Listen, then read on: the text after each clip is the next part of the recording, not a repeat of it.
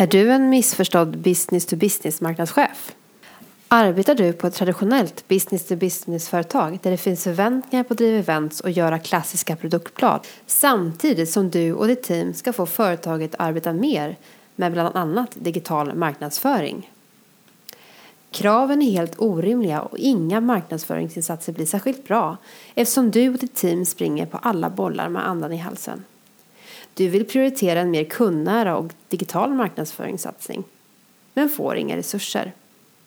Ensamheten kryper in på skinnet allt mer när vad du än sägs möts med oförstående blickar och axelryckningar. Varför är det så här?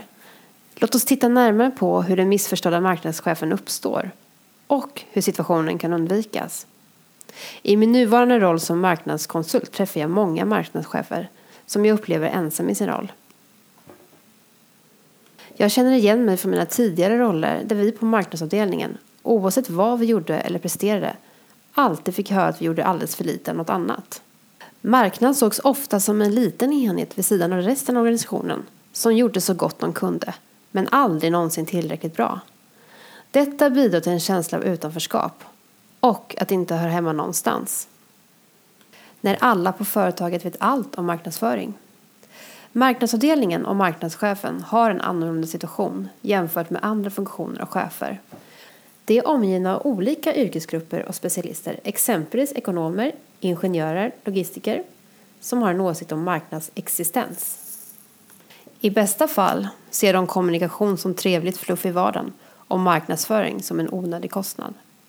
Om kollegorna inte ingår i målgruppen eller känner till de kanaler där den senaste digitala kampanjen går ser de den förmodligen inte, vilket förstärker det felaktiga antagandet. Dessa specialister förbehåller sig dessutom rätten att vara specialister även inom marknadsföring, trots att de saknar erfarenhet inom området. Personligen skulle jag aldrig ifrågasätta en analys som jag inte hade någon bakgrund till. Men det verkar okej för vem som helst att ifrågasätta detaljerna i en aktivitets eller marknadsplan.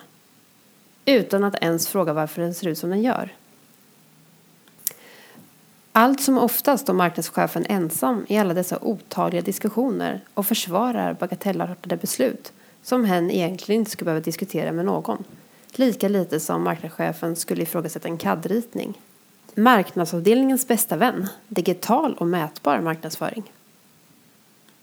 Marknad och kommunikation kanske anses tillhöra alla eftersom de använder det alla inom organisationen skapar, produkten och tjänsten. Det verkar finnas en brist på förståelse för att det ligger kunskap och en strategi bakom det som görs. Behöver man göra det kreativa lika mätbart som andra delar av organisationens uppdrag för att det ska tas på allvar och förstås?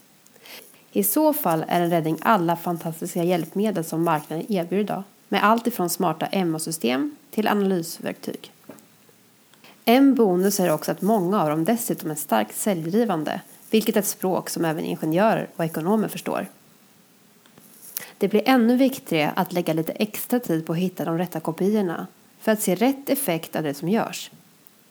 Är kanske en mer datadriven marknadsföring lösningen på den missförstådda marknadschefen och marknadsavdelningen som förväntas göra både mer och mindre på samma gång?